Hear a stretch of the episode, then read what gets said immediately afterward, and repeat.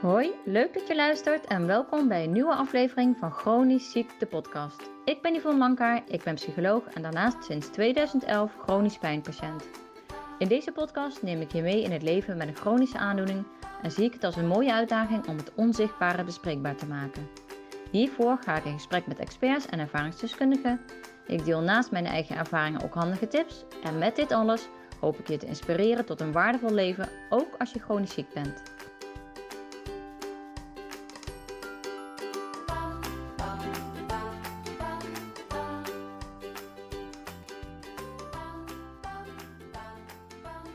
Ja, superleuk dat je er weer bij bent. Ik heb vandaag een aflevering klaarstaan voor je met Vicky de Groot. We hebben deze aflevering speciaal opgenomen voor de themaweek Chronisch ziek en werk die plaatsvindt van 7 tot 13 november 2022. Ik organiseer deze week omdat ik vind dat er veel te weinig gesproken wordt over werk in combinatie met chronische klachten. Afgekeurd worden, het hele proces dat daaraan vooraf gaat, de oordelen, het verliezen van een deel van je identiteit, hoe weer opnieuw invulling te geven aan het stuk zingeving en in deze aflevering wat het ondernemen daarin voor je kan betekenen. Vicky is ondernemer, een ras-echte ondernemer zou ik bijna willen zeggen, met een stroom aan toffe ideeën. Dat zal je dadelijk ook wel horen in de podcast. Maar ze neemt ons in deze aflevering eerst mee in haar proces van chronische klachten hebben, werken voor een baas in de zorg en van daaruit het starten van een onderneming. Ze benoemt de voordelen ervan, ze geeft een heleboel tips en ze geeft je van alles mee wat ze eigenlijk zelf veel eerder had willen weten. Ik zou zeggen, heel veel luisterplezier en tot in de volgende aflevering. Vicky, superleuk dat jij vandaag bij mij in de podcast bent. We gaan het vandaag hebben over chronisch ziek en werk. En nou ja, jij bent daar voor mij bij, voor, bij uitstek een persoon voor om om die te interviewen. Maar zou jij jezelf eerst nog even willen voorstellen, dat mensen weten wie jij bent en wat jij doet? Ja, tuurlijk. Hallo Yvonne. Ik uh, bedankt dat je mij wil interviewen hierover. Want mijn naam is Vicky de Groot, ik ben 32. Inmiddels ben ik twee jaar ondernemer. En ik kan uh, ja, vol overtuiging zeggen dat, ik, uh, dat de beste keuze ooit is geweest. Met name omdat ik nou ja, jaren tegen, nou, tegen de muur ben aangelopen, gevallen, gestruikeld, ingemetseld, uitge uitgebikt. noem maar op, van de muur van het werk voor een baas. En uh, ja, ik vond het eigenlijk tijd uh, dat het anders moest. En uh, ik ben daarom voor mezelf begonnen als VA, Virtual Assistant. Dat houdt in dat ik bedrijven, ondernemers ondersteun met administratieve taken en projecten. En ook als men op vakantie is, dat ik ze ondersteun. Dus dat is ook onwijs leuk om te doen. Ik hou van Russian roulette, zoals ik het noem. Elke dag een verrassing. En met name ben ik erg oplossingsgericht. Dus ja, dat is voor mij fantastisch. En dat was natuurlijk nog niet alles, want mhm. toen ik dat begon te merken, dacht ik, hé, hey, bij elk andere persoon die ergens tegenaan loopt, eh, is het zowel uh, lichamelijk of uh, geestelijk, dan is het misschien wel een optie voor hun om te gaan ondernemen. En hoe kan ik dat beter doen dan een boek te maken met andere inspirerende verhalen? En dat heb ik gedaan, daar heb ik jou toe voor gevraagd, omdat ik jou ook super inspirerend vind, omdat ik gewoon zie ehm, hoe jij ermee omgaat en ook de andere schrijvers in een boek. En toen heb ik nog een uh, podcast eraan vastgeslingerd. Want ja, ik vind het leuk om met te kletsen en te babbelen. Dus ja, toen heb ik nog podcasten vastgemaakt. En nog een cursus, omdat ik ook zoiets heb van ja, maar waar begin je dan en wat heb je nodig? En ik heb de dingen die ik belangrijk vind uh, bij elkaar gevoegd in een cursus. Dus dit is eigenlijk uh, wat ik allemaal doe. Ja, precies. Ja, super uh, afwisselend. En dat vind ik ook echt wel super leuk aan jou. Dat er ook iedere keer weer nieuwe ideeën komen. En je het ook allemaal doet. En allemaal ook een manier vindt om het te doen. Want zou je ons, ehm, uiteraard voor wat jij wil vertellen, maar volgens mij ben je er altijd best open over, mee willen nemen in ehm, ja, dus een stukje chronische klachten wat je hebt en hoe dat ontstaan is en in hoeverre dat ook ja, jou in de weg zit uh, in het dagelijks leven? Het begon eigenlijk op de middelbare school. Dat ik niet uh, uh, zo goed op kon letten in de klas. Want ik was na het fietsen naar school gewoon doodop. Drie kilometer heen fietsen en ik moest er echt van bijkomen. dat uitte zich in hoofdpijn, misselijkheid, gewoon echt oververmoeid, blaasontsteking, luchtwegeninfecties. Dus eigenlijk altijd wel iets onder de leden ja, ik, ik zocht daar niet heel veel achter, maar wel uh, naar de dokter gegaan. Ik kon het eigenlijk niet goed vinden.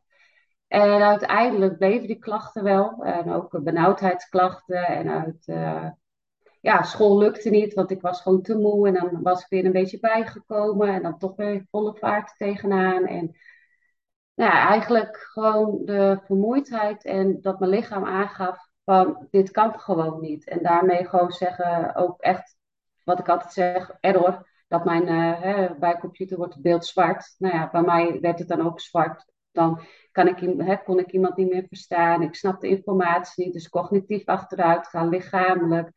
Nou, op een gegeven moment kon ik alleen nog maar douchen en uh, eten koken op een dag. En dat, uh, dat was al eigenlijk de max.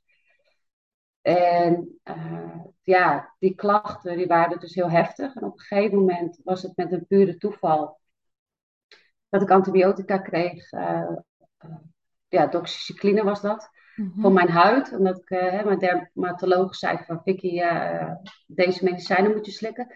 En na twee weken was het wonderbaarlijke uh, dat ik uh, onder de douche stond en dat ik denk van hé, hey, als ik mijn arm omhoog doe, ik, uh, dat, dat gaat beter. En na het douchen kon ik eigenlijk ook gewoon wat meer doen.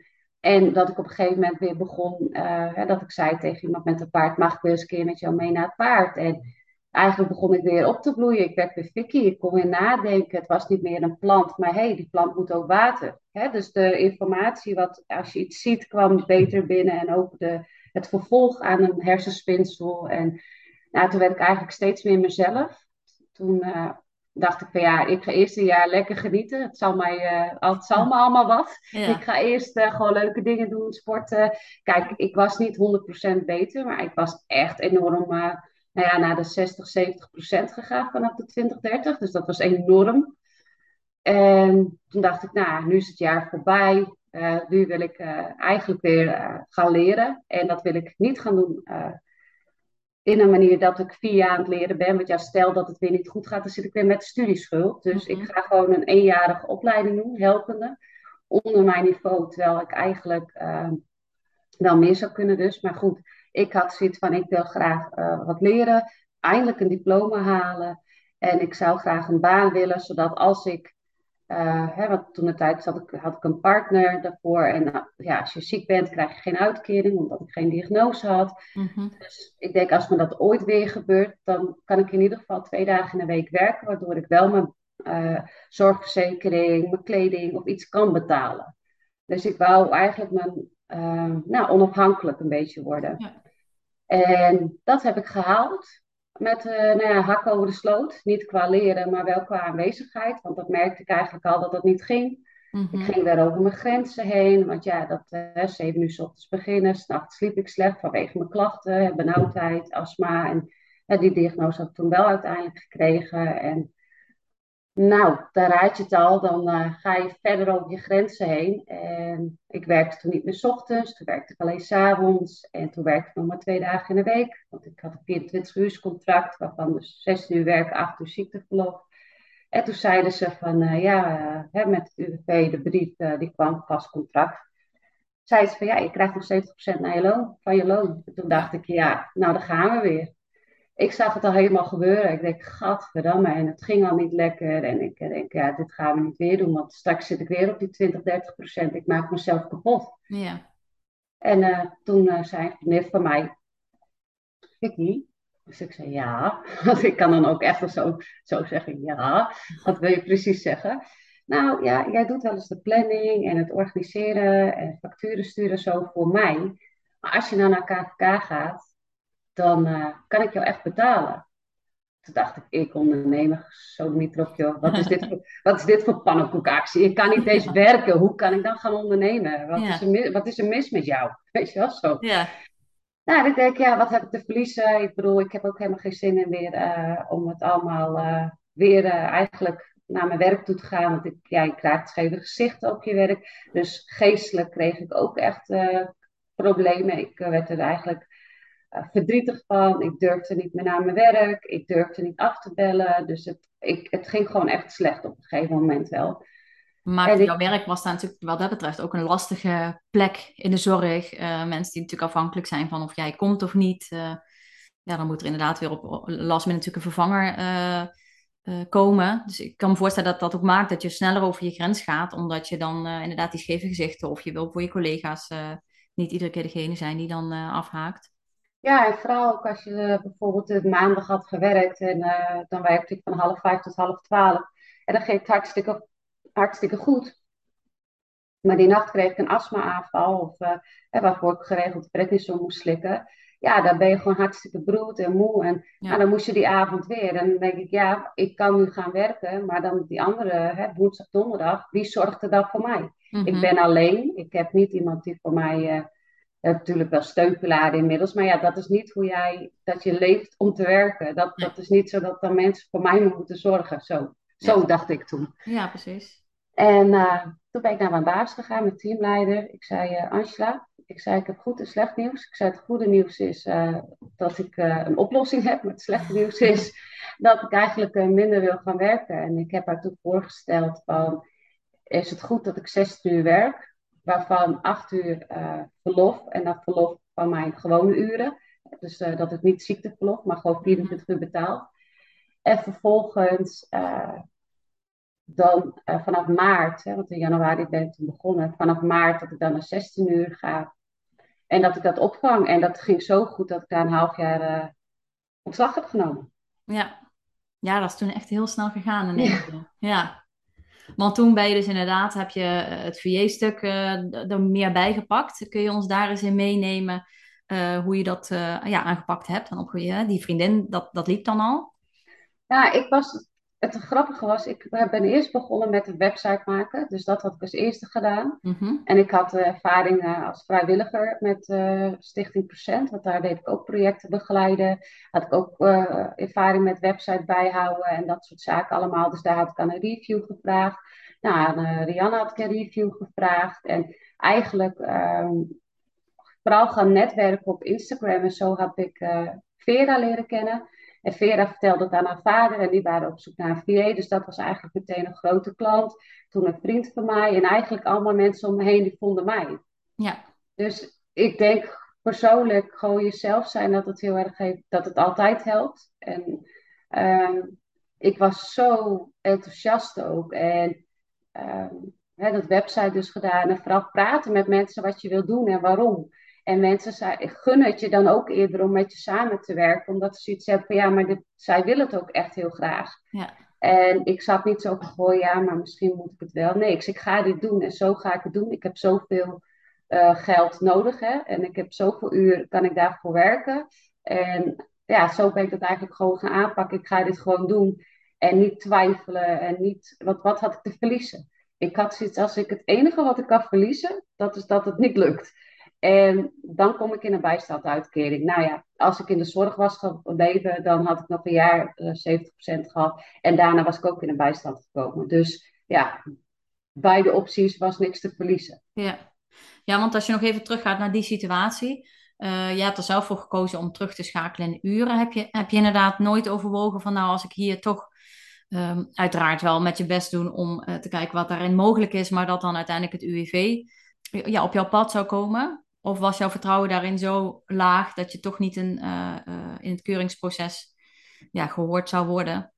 Nou, ik ben natuurlijk voor mijn achttiende ziek geworden. Ja. En toen heb ik een waaieruitkering aangevraagd op mijn 19e en 20ste. Mhm. Heb ik niet gekregen, want ik was 40, kon gewoon 40 uur werken, niks aan de hand. Ja. En dus dat vertrouwen was inderdaad ook weg. Maar als je mij inmiddels uh, een beetje kent, ben ik ook best wel. Uh, ik hou niet van verantwoording afleggen. Mhm. En dat hoort er dan wel bij. En ik ben ook iemand, ik doe het liever zelf. En ik vraag wel hulp, maar dan mensen om me heen. Dus kijk, als je wel met het UWP wil samenwerken en je hebt een uitkering, zou ik het zeer zeker adviseren. Doe dat vooral als je je daar goed bij voelt. Mhm. Want je hebt natuurlijk te maken met wetgeving en regels, dat soort zaken. Ja. En ik wou dat gewoon niet. Ik had zoiets van, ik, ik kan dat zelf wel, ik kan zelf wel rekenen, ik kan zelf wel een boekhouder uitzoeken. en, dat, dat, en dat is ook oké. Okay. En ik heb toen later met Marieke Bauma Ja. gesproken. Zij, heeft, zij is echt een specialist. En toen ik haar mijn verhaal vertelde, zei ze ook, ja Vicky, jij hebt het je werkgever wel heel makkelijk gemaakt. Ja, ja. Dus ik zou het ook iedereen niet adviseren om het, uh, eigenlijk te doen zoals ik het heb gedaan. Ja. Uh, neem die begeleiding aan, geef duidelijk aan wat je wil en laat je gewoon niet van de wijs brengen. Van, oh ja, maar misschien nee, wees ook gewoon voor jezelf van, als dat goed voelt, natuurlijk wel realistisch zijn. Maar ja, ik, ik ik heb dat niet gedaan, maar ik zou een ander, in een andere positie misschien dat wel doen, omdat zij natuurlijk ook steeds specialistischer worden hierin. Ze krijgen ook steeds meer in de gaten dat dat uh, voor sommige mensen echt een uitkomst is. Ja. En um, ja, als je 50-50 kan doen, hè, uitkering en 50% ondernemen, ja, dat is ook een optie. Je hoeft niet volledig te gaan ondernemen.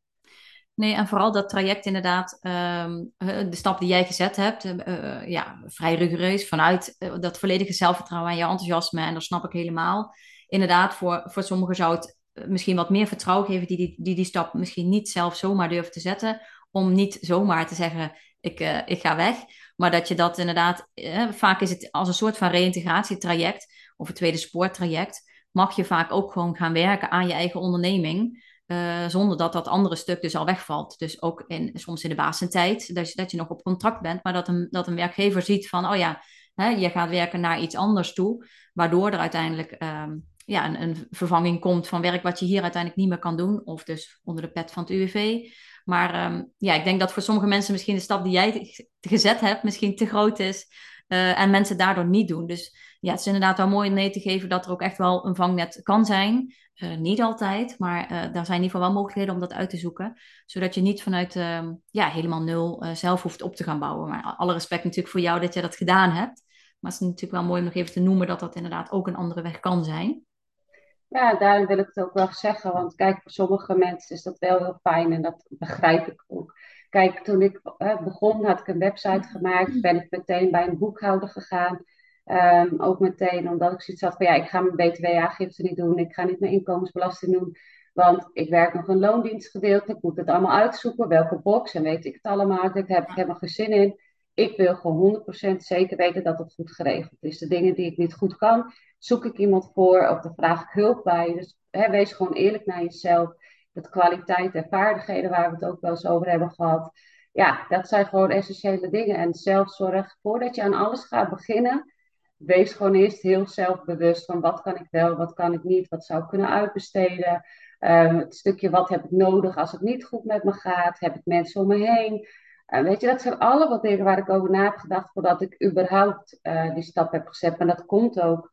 Ik uh, ben vanaf mijn 17 woon ik op mezelf, dus ik ben altijd al heel dapper moeten zijn mm -hmm. geweest. Dus voor mij was dat ook zo, oké, okay, ik ga het zo doen, tak, ik ga het zo doen, tak. Mm -hmm. En en ja, ik vraag wel eens mensen wat vind je ervan, maar uiteindelijk doe ik altijd wat ik zelf wil. Omdat ik, als ik dan op mijn plaat ga, heb ik grof gezegd, ja, dan is het mijn schuld. Dan had ik dat niet zo moeten doen. Ja.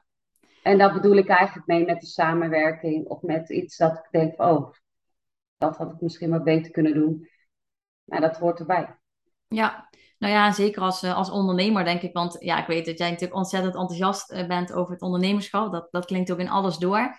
Zou je eens een aantal voordelen kunnen noemen die, uh, ja, die, die, het voor jou, uh, die ervoor zorgen dat het voor jou een succes is om ondernemer te zijn? Ik ben gelukkig nu. En dat was ik niet. En dat was ik niet. En wat het mij dus oplevert is dat ik, ja, wat ik zeg, gelukkig ben. En maar wat voor voordelen daaraan vasthangen is dat ik dus beter in mijn vel zit. Dus minder lichamelijke klachten ervaar, ook geestelijk minder klachten ervaar. Um, en ook dat ik gewoon kan zeggen van, ik doe even niks. En het is oké. En soms zeg ik dat ook echt tegen mezelf, ja maar Vicky, je hoeft vandaag niks te doen. Als jij je prioriteit hebt gedaan vandaag en je voelt je niet oké, hoef je gewoon niks te doen. Dus doe dat dan gewoon niet. En dat, moet ik nog steeds wel eens herhalen. Van, hey Vic, uh, even niet. Maar dat is ook oké. Okay. En dan en nog steeds laat ik tranen. Dat ik uh, denk van, wat kan ik mezelf gewoon even knijpen van, uh, dit is echt en um, nu heb ik het voordelen, wat ik vooral vind, dat, dat gaat wel even duren hoor, dat duurt misschien wel, ik wil het echt heel graag vertellen. Um, zelfzorg, dat is heel belangrijk, maar vooral waar dat in doorgaat, is um, wat ik al zei, geestelijk lichamelijk, maar ik heb nu ook de ruimte om voor mezelf te zorgen, omdat ik me dus beter voel, kan ik nu dus uh, bewegen. want dat dat blijft erbij wanneer jij je niet oké okay voelt. Dus ik beweeg nu meer. Mm-hmm. Dat uh, met wandelen ook, omdat ik nu een hond heb. Um, het zwemmen, wat ik nu ook doe. Ik ben zelfs begonnen aan yoga. Nou ja, ik haat het nog steeds. Ik, ik zou het nog steeds nooit leuk vinden. Ik vind het echt niet leuk. Maar daardoor is wel, en dat meen ik oprecht van, daar, ja, mijn pijn is gewoon weg uit mijn handen. ik heb jaren pijn gehad in mijn handen en dat is gewoon weg.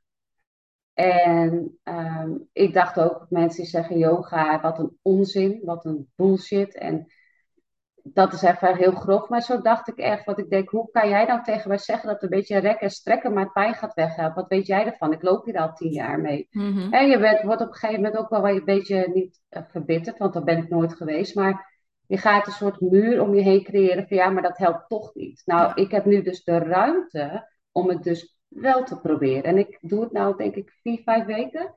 En ik, ik ben het gewoon kwijt. Dat ik ook echt zo naar mijn handen... Het was op een gegeven moment op een dag... Ik keek naar mijn handen. Ik denk, huh, dit zijn mijn handen. Ik heb geen pijn. En ik keek nog eens en ik kneep er eens even in met mijn nagels en zo. En, huh. Ik denk, oh, nou dan komt het straks vast wel weer terug. Nou, niet dus. Ja. Dus dat is ook wat ik vooral voordelen dat ik echt voor mezelf kan zorgen. Dus echt. Um, dus ja, momenten kiezen dat er gewoon veel meer flexibiliteit is, is, is eigenlijk voor jou een groot voorbeeld, voordeel. Nou, je kan echt voor jezelf gaan zorgen. Dus ook de dingen waar je van denkt, wat een onzin, die kun je dan proberen. Omdat er ruimte voor is. En mede um, voeding natuurlijk, uh, dat het essentieel is. Dat is echt, mensen vergeten dat wel eens. Ik dacht ook, ja, het zal maar wel. Nou, het heeft echt een grote invloed erop dat je veel meer daarop kan focussen. Nu kan ik ook uh, zeggen van nou, uh, ik ga dit eens een periode proberen. Want dat, dat kon ik voorheen niet, want je bent aan het overleven. En nu leef ik. Nu kan ik zeggen, nou, ik heb nu een tijdje yoga gedaan. Ik ga nu proberen dit erbij te doen. Wat doet dit met mij? Ja. Maar wat is dan voor jou het grote verschil? Natuurlijk, ik, ik, kan me er wel iets bij voorstellen, maar ik hoor het graag van jou. die twee dagen die jij toen nog werkte. Ehm, ten opzichte van, nu maak je denk ik meer uren gedurende de week. Maar misschien de ene week ook wel wat meer dan de andere of, of, minder. Maar wat is nou het grote voordeel dan voor jou dat je ondernemer bent ten opzichte van voor een baas werken, dat je deze dingen nu allemaal kan doen? Vooral dat ik het doe wanneer ik het wil. Ik uh, dat dus echt, ik hoef nou niet, ik krijg niet uh, een uh, twee, maanden, twee maanden rooster door mijn strot geduwd van dit is wanneer jij moet werken. En dan zet ik dat in mijn agenda. En dan moet ik nog naar het ziekenhuis, mijn allergie prikken. En dan, dat moet je dan ook weer allemaal inzetten. En dan kijk je ernaar. Nou, dat zie je al de hele week wat je moet doen. Hè, dat twee maanden. En je voelt eigenlijk op zaterdag al, nou, ik ben moe. Nou ja, het is weekend. Soms werk je wel niet in de zorg. En dat ik dan keek naar die weken naar en ik gadver. En dan, uh, weet je, dat ik er al tegen opkeek. En nu kijk ik naar mijn agenda. Dat is nooit dat ik denk, ja.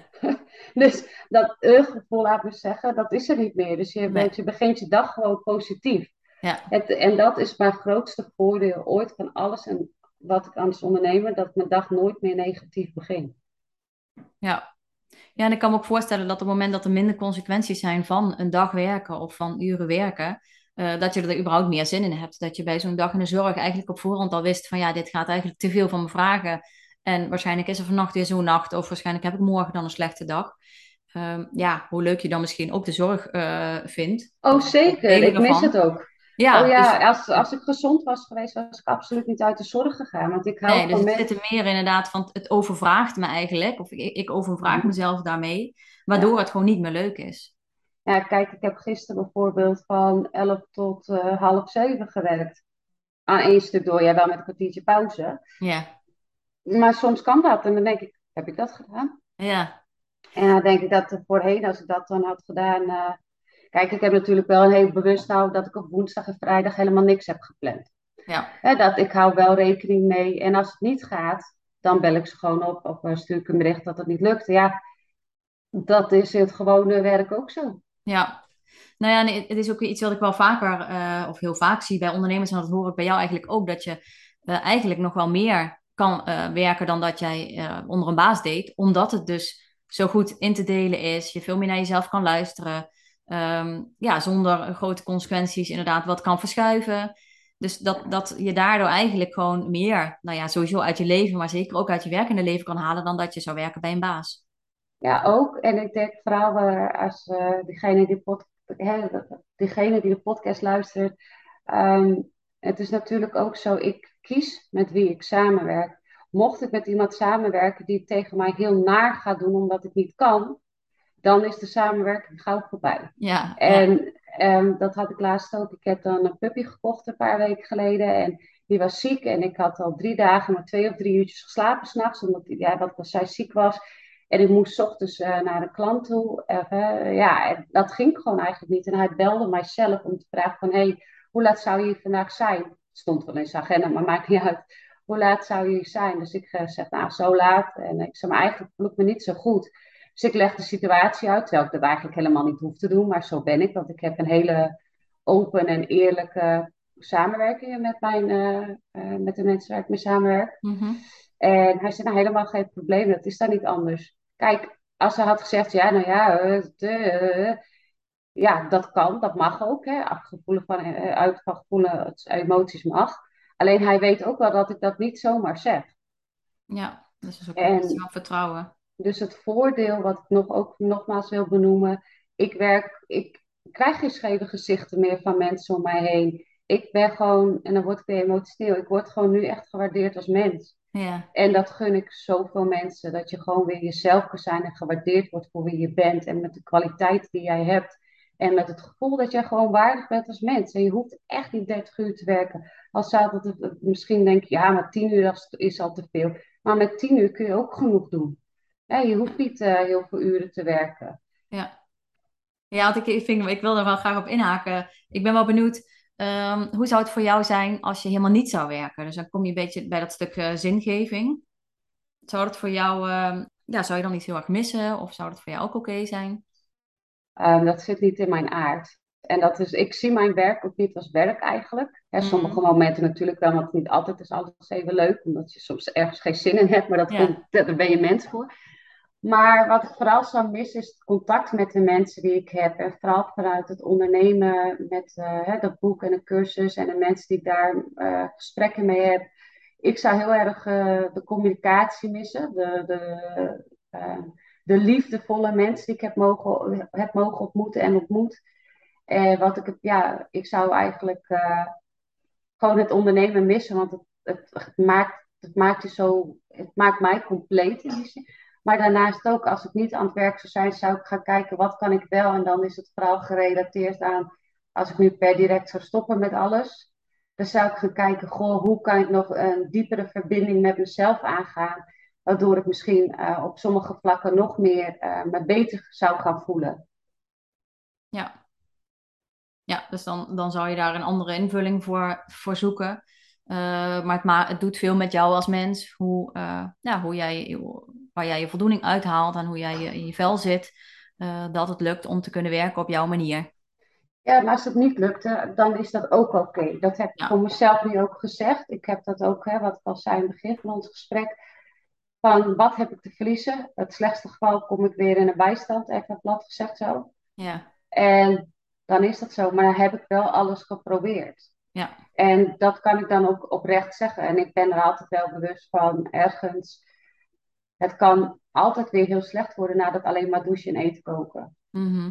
En daarom ben ik natuurlijk ook met hele mooie mensen aan het samenwerken om hele uh, mooie dingen neer te zetten. Zodat wanneer het slechter gaat, uh, dat ik echt maar één à twee uurtjes nodig heb om te werken per dag. of, uh, dat ik dan nog steeds mijn vaste lasten kan betalen. Ja. En die periode hoop ik nooit dat aanbreekt. Maar mocht dat zo zijn, dat dat, nou, dat, het kan. Ja, ja, want je noemde net al wel eventjes uh, de, de tweede tak van jouw kant, zeg maar, van jouw werk. Uh, dat is natuurlijk een, een, kant die heel erg gedreven is door enthousiasme, door een soort missie eigenlijk ook, hè, om ja, meer mensen hiervan op de hoogte te brengen dat het kan. Dat heb jij zelf natuurlijk uh, ook gemist, hè? Dat, dat stuk begeleiding daarin, of in ieder geval um, ja, dat je het allemaal maar zelf uit moet zoeken en, en dat je daardoor ook wel gedreven bent om mensen ja, op het idee te brengen van, goh, je zou ook voor jezelf kunnen beginnen en nou, luister mijn podcast, luister of lees mijn boek en, en mijn training. Om, uh, ja, om te kijken wat er eigenlijk allemaal mogelijk is en wat, wat je daarin kan doen. Zou je ons daar eens wat, nog, nog wat meer in mee kunnen nemen? Vertel wat uh, ja, over hoe dat dan voor jou, waarom dat belangrijk is om te doen en hoe die dingen tot stand zijn gekomen. Hoe heb jij bijvoorbeeld je boek gemaakt en kun je ons daar nog wat over vertellen? Nou, alles begint met een idee. Mm. Dus eigenlijk ehm, ik wou vroeger altijd al een boek schrijven. En dat was dan voornamelijk een uh, biografie over mijn leven, omdat ik het gewoon uh, nou, niet een saai leven heb gehad. En toen dacht ik, ja, ik wil graag een boek schrijven, maar dat, ja, dat zal wel. En toen had iemand een Facebook-oproep erop gezet van, hé, hey, uh, nou, ik zoek eigenlijk mensen die een boek willen schrijven, maar ben eigenlijk, uh, wil ik wat vragen stellen. Toen had, stond er ook vraag tussen, maar van waarom doe je het dan niet? Wat houdt je tegen? Dus ik denk, ja, ik ben toch al gaan ondernemen, dus uh, waarom zou ik dit ook niet aangaan? Kom maar, ik wil wel het gesprek aangaan. Dus in gesprek aangegaan en toen zei ik ook, toen vertelde ik eigenlijk, ja, ja, eigenlijk zou ik een boek willen maken. En eigenlijk vind ik het ondernemen wel heel erg ja, heel fijn. En wil ik eigenlijk andere mensen mee inspireren. En het moet er dan zo uitzien. En, en dus ik had dan een heel verhaal. En toen zei ze, ja, maar eigenlijk weet je alles al van begin tot eind. En hoe je het allemaal wilt doen. Het is alleen nog kwestie van doen. Ik zei, ja, dat is ook zo. En uh, toen ben ik het gewoon gaan doen. Toen ben ik uh, op Instagram gaan zoeken. Hashtag chronisch ziek, hashtag ondernemen. En uh, zo ben ik bij jou terechtgekomen. Nou ja, bij nou, bij Manon Thoma en nou, noem maar op alle mensen, Sarah en uh, nou alle mensen die in mijn boek staan heb ik zo gevonden op via via. Hè, dat ik uh, iemand had gesproken die zei van, ah ja, Sanne de Groot uit, uh, uit Wallen, dit is ook wel wat. En zo heb ik ze allemaal gewoon gemaild, gebeld en vol enthousiasme verteld. Van ik ga een boek maken en dat heet Inspiratieverhalen. En ik wil graag andere mensen die een beperking, chronisch ziek zijn, eigenlijk helpen te inspireren, informeren over wat wij doen. En hoe kunnen we het anders beter doen dan dat wij ons verhaal delen in een boek en dat mensen dat kunnen lezen en dat mensen misschien dan wel de stap durven te zetten. En um, nou ja, dat, dat ben ik gewoon gaan doen. En dat is eigenlijk, um, ja, uitte dat al heel snel dat ik dacht van ja, ik moet eigenlijk ook een podcast gaan maken, want ik wil mensen interviewen. Eigenlijk de mensen die ik spreek nu, die kunnen niet allemaal alleen maar een boek. Want ja, dat boek, dat, ik heb de, de selectie al gemaakt en ik kan niet elke keer tegen mensen maar zeggen, ah ja joh, kom nou ook nog maar bij. Dan, dan heb ik straks een boek met honderd verhalen. En dat is misschien leuk voor over vijf jaar, dat ik zo'n dat ik zeg, we maken een, uh, ja, een bundelboek maken. Kijk, dat is uiteindelijk, ik, ik, ja, er zijn genoeg ideeën. Dus ik denk, ja, dan moet ik podcast gaan opnemen om mensen te inspireren. En uh, dat ben ik gaan doen. En dat, dat, ja, dat vond ik zo leuk om te doen. En ik denk van ja, dit, dit, dit is hartstikke leuk. Ja, En toen kwam het boek uit. En toen dacht ik, uh, ja, maar uh, eigenlijk als mensen nu willen gaan ondernemen, dan weten ze misschien niet wat ze nu moeten doen. dus misschien moet ik ook nog maar een cursus erbij maken. En toen heb ik natuurlijk alle mensen die ik, die, wat ik, de onderwerpen die ik belangrijk vind, heb ik de mensen voor opgezocht met expertise die heb ik gevraagd uh, dat ze mee willen werken. En die staan er nu in. En er komen steeds extra modules bij. Er komt straks een module bij uh, over pensioen. En uh, nou, dat soort zaken. Dus elke keer wordt de cursus ook aangevuld met uh, modules. Dus het is eigenlijk ja, heel gaaf. Het is gewoon een never-ending story. En het wordt alleen maar beter. Ja, ja, zo cool. Jouw podcast, kan je die nog even noemen hoe die, hoe die heet?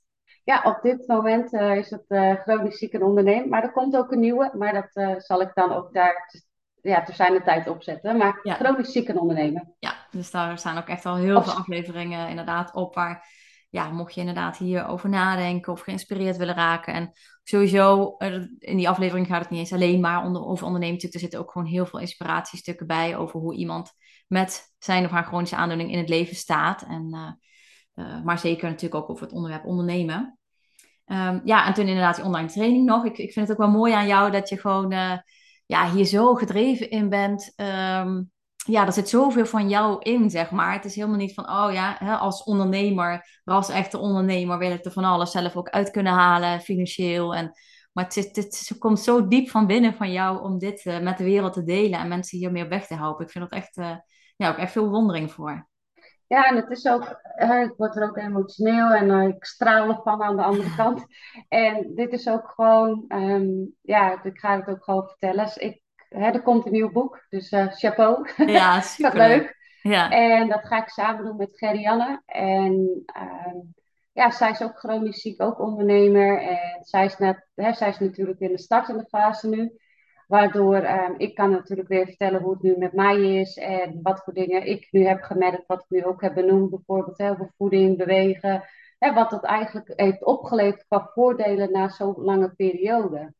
En kijk, in het begin is dat natuurlijk anders. Dan is het echt de rust waar je echt van kan genieten. Tenminste, ik, ik had echt de rust in mijn lichaam. Van, oh, ik hoef niet meer te vechten omdat ik nu op Mhm. moet staan. Omdat ik naar mijn werk moet. Ja. Nee, als ik nu wil blijven liggen, blijf ik liggen. Want mijn lichaam zegt dat ik dat moet doen.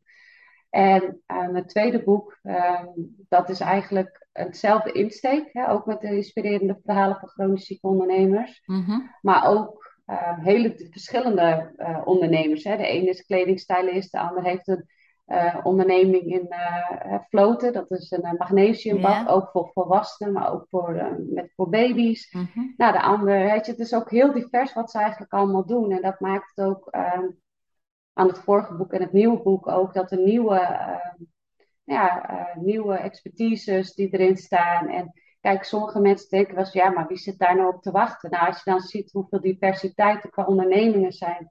Ja joh, je laat je niet uit de weg slaan als je een idee hebt. Ja. Ja, mooi.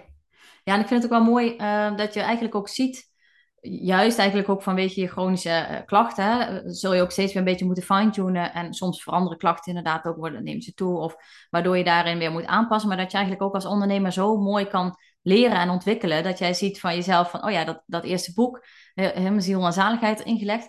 Bij een tweede boek zou het eigenlijk wel fijn zijn dat ik het met iemand samen doe. Zodat ik ja, ook op, momenten niet per se alles uh, hoef te doen en te geven om het allemaal zelf te doen. Waardoor ik ja, daarin ook wat beter voor mezelf kan zorgen als het nodig is. Ik hoorde jou net ook zeggen van, nou ja, ik bereid me er ook op voor dat als ik een terugslag krijg en het slechter gaat, ja, dat ik niet um, ineens weer helemaal uh, terugval. Dat er altijd een basis is wat ik zou kunnen doen en dat de rest daarin een soort van extra is. En dat vind ik wel het mooie ook aan ondernemen. Uh, dat je daarin ook steeds kan leren en, en uh, steeds, ja, je hoeft het niet het taalplaatje al meteen aan het begin helemaal compleet te hebben voordat je begint. Je mag daarin ook ontwikkelen en ja, zien wat voor jou wel en niet werkt. Absoluut. Had je mij gevraagd uh, toen ik begon met ondernemen dat ik ooit een podcast zou maken of, of sowieso voor mijn werk naar Italië zou gaan. Dat ik hè, dat, dat het meest, ja, dat je ja, gewoon al heel veel. Ik, kan niet, ik weet niet eens waar ik moet beginnen. Ja, Zoveel ja. dingen die nieuw zijn en dat het ook spannend is. En, maar ja, ik, uh, aankomende week ga ik dan een presentatie geven in Sneek. Dat is bij mij in, in de provincie. Ja. En dat heet dan Inspiratie voor jou. Dus ik geef ook inspiratiesessies. Dat is echt, dat is dit keer aan jongeren. Dan neem ik mijn Mhm. boek mee en dan hebben we het over kwaliteiten. En dan over hoe ga je met tegenslagen om. Ehm, hè, wat is voor jou een inspiratie? Ehm, hoe kun je je inspiratie ook uh, het, hoe kun je kwaliteit ontdekken door inderdaad stage te lopen, vrijwilligerswerk of iemand die je kent, om eens een dagje mee te mogen lopen. En ook durven te zeggen van nee, ik vind dit niet leuk, ik ga wat anders doen. En want het leven, ik, wat ik, één ding wat ik heb geleerd en wat ik aan iedereen wil meegeven, het leven is niet bedoeld om te overleven, het leven is bedoeld om te leven. En als ik sommige mensen bij ons uh, verder op straat zie ik uh, twee auto's staan. En dat de ene s ochtends weggaat en de andere ook. En de kinderen naar de opvang. En jongens, daar is het leven toch niet voor gemaakt. Je wilt toch ook leven. Dus dat je gewoon allebei twee, drie dagen werkt. En dat andere vrij bent en met elkaar bent. Je hoeft niet veel te werken om het goed te hebben. Ja. Nee, ja, zeker. En uh, ik, ik denk inderdaad dat het vooral ook te maken heeft met, met welke intentie je dingen doet. Hoeveel het dus ook van je, van je vraagt. Ja. Uh, wat jij ook zegt, hè, ik zie mijn werk niet eens altijd echt als werk. Er zijn zoveel dingen ja, die ik daar ontzettend leuk aan vind. En dat herken ik ook wel. Wat tevens ook een valkuil kan zijn. Want als het dus niet allemaal voelt als werk, dan kun je daar ook heel veel in blijven geven. Omdat het allemaal zo leuk is. Maar uh, ja, dat, dat is inderdaad wel het mooie wat je, zeker als je ondernemer wordt, dat je het eigenlijk zo kan vormgeven, dat dingen erbij kan pakken die je leuk vindt en die je energie geeft en die haalbaar zijn. Ja, waardoor het gewoon uh, zoveel plezier en energie kan opleveren. Het was ook niet negatief bedoeld voor, voor mensen die Ja. wel twee auto's hebben en zo werken. Ja, En meer een bewustwordingsmomentje dat ja, mensen wel eens vergeten te leven. En dat, dat ze thuiskomen op een bank zitten, tv aan. En dat is het dan. Ja, Ja. Dat, zo zie ik mijn leven niet. Ik, ik, ja, net als vanochtend, ik heb gewandeld. Ik heb nu met jou een interview. Ik heb straks een afspraak met, eh, een, eh, met eh, Albert over padel. Want dat is wat we volgend jaar gaan organiseren voor een... voor BWN. En vanmiddag ga ik naar het ziekenhuis. En dan kom ik terug, ga ik rusten en even eten. En dan s'avonds ga ik sporten. En dan denk je, maar Vicky, doe je dat allemaal? Dan denk ik, ja, dat kan ik nu allemaal. Ja. Dat, dat kon ik niet. ja, En dan woensdag staat er helemaal niks in mijn agenda. Ja. Ja, ik, ik, ik kan niet anders zeggen dat, ehm, dat ik nu echt leef. Ja. En dat ik mezelf al die jaren tekort heb gedaan. En natuurlijk ehm, vind, vind ik mezelf daar niet schuldig aan. Ik zou ook alle mensen zeggen, wees niet, voel jezelf daar niet schuldig in. Alleen zodra je dit hebt geluisterd en je gaat niet veranderen, dan mag je wel een beetje schuldig gaan voelen. Want ik wist dit niet. Ik heb dit nooit geweten. En dat maakt het, ehm, dat mijn missie ook van mensen moeten dit weten. En dat is, ehm, ja, had ik dit geweten een aantal jaar geleden, dan had ik gewoon, dat had me tien jaar ellende bespaard. Ja. En uh, dat, uh, dat, is me, ja, dat is niet gebeurd. Dat ben ik ook niet boos om. Dat heb ik een plekje kunnen geven. Ja, dat stukje chronische rouw, uh, dat soort zaken allemaal. En beter voor jezelf zorgen, noem maar op, waar ik allemaal ja, echt pas mee bezig ben gegaan. Ehm, na een jaar voordat ik uit de zorg ging. Mm -hmm. Dus dat is echt allemaal in de sneltrein eigenlijk gegaan. Omdat je dan echt bewust bent van hé, hey, maar zo kan het dus ook. Ja. Ja, want eigenlijk is het uh, inderdaad breder. Hè? Kijk, je kunt weten voor jezelf dat je uh, misschien dat ondernemerschap iets voor jou zou kunnen zijn. Um, maar op het moment dat je inderdaad niet goed voor jezelf zorgt, of je grenzen niet serieus neemt, of um, niet met mensen geen hulp durft kun, kan vragen, uh, niet met mensen praat over je klachten, dan, dan kan het ondernemerschap heel leuk en interessant en mooi lijken. Maar um, dan zit hem in de basis natuurlijk nog niet goed. Precies. Dus dat is zo mooi wat je zegt. Van, dat zijn natuurlijk in eerste instantie dingen waar je sowieso mee aan de slag moet.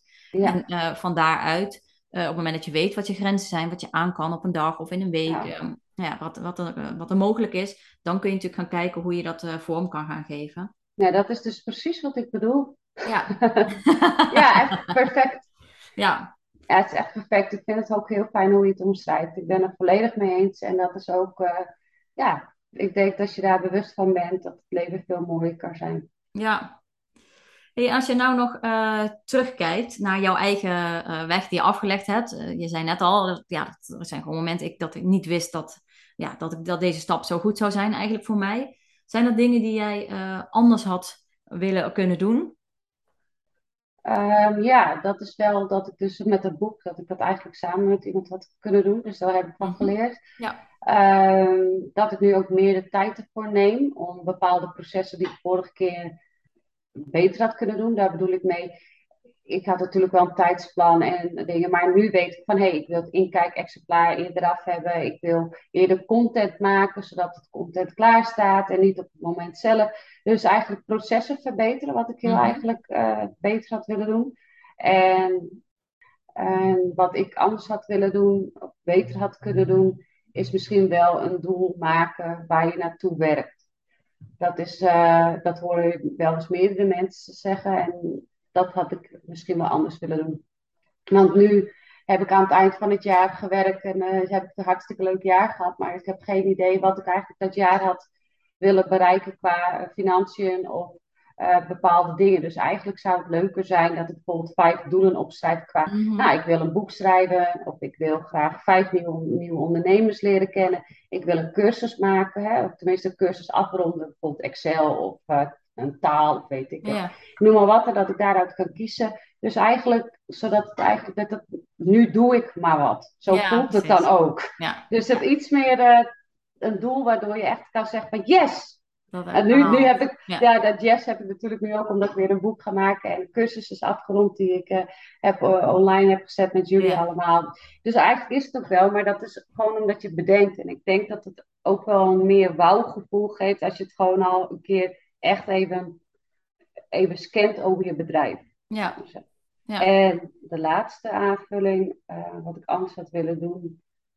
Ik denk dat ik misschien eerst wel misschien met meerdere gesprekken uh, met andere ondernemers had willen hebben. Aan het begin van je onderneming. Ja, dat ik dus eigenlijk mijn eigen podcast had kunnen luisteren. Ja, ja. Ja, of, of inderdaad een cursus bij jou had kunnen volgen als ik die behoefte had aan communicatie. Of dat ik, een, weet je, bepaalde dingen, dat ik daar wat misschien eerst al wat kritischer naar mezelf had kunnen kijken van, goh, wat had ik meer nodig gehad? Ja. Dus wat meer in die basis duiken. Uh, en nu is dat iets meer gelijk opgegaan met jou. Dus en nog verder die basis neerzetten en uh, eigenlijk al meteen starten met de onderneming. Ja, als je die behoefte hebt wel. Ja. Oké, okay, mooi. Z zijn er nog uh, tips waarvan je zegt als er mensen nu luisteren die ja, toch wel spannend vinden om te starten of die twijfels hebben. Wat zou dan iets zijn wat jij nog aan hun mee wil geven? Allereerst wil je voor een baas blijven werken en vind je het leuk, moet je het lekker blijven doen. En als je dat goed kan communiceren en je hebt het naar je zin, ga je dan niet laten overtuigen of uh, inspireren om het niet meer te doen. Want ja, aan de ene kant, als dat goed voelt, doe dat gewoon lekker. Tuurlijk mag je wel laten inspireren, zo bedoel ik het ook niet. Maar wel dat je, je hoeft niet na dit gesprek te denken van ja, maar ondernemen is nog beter dan... dan ja. dat hoeft niet zo te zijn, want voor jou kan het structuur, regelmaat heel fijn zijn, omdat jij dat echt nodig hebt omdat jij een bepaalde chronische ziekte hebt of beperking, waardoor het juist heel goed gaat. Hè? Dat kan. Mm voor mij is dat eh, niet zo. Uh, wat ik zou doen is inderdaad kritisch naar jezelf zijn. En dan niet in een kritische zin van negatief, maar gewoon eerlijk zijn van hé, hey, wat zou ik nog, uh, wat vind ik nog spannend? Schrijf dat op. Ga kijken wie kan je daarbij helpen. Ga bepaalde mensen volgen. Uh, ga cursussen aan en ook informeren als je in een uitkering zit van goh. hoe zit dat? Wat voor budget is er vrij dat ik me eerst nog kan verbeteren voordat ik ga beginnen aan ondernemen? Um, laat je niet uit het veld slaan door als mensen zeggen, ja, maar zou je dat wel doen? Nou, dan kun je de vraag stellen van waarom zou ik het niet doen? Hè, de, stel de vraag eens terug, van waarom zou ik het niet doen?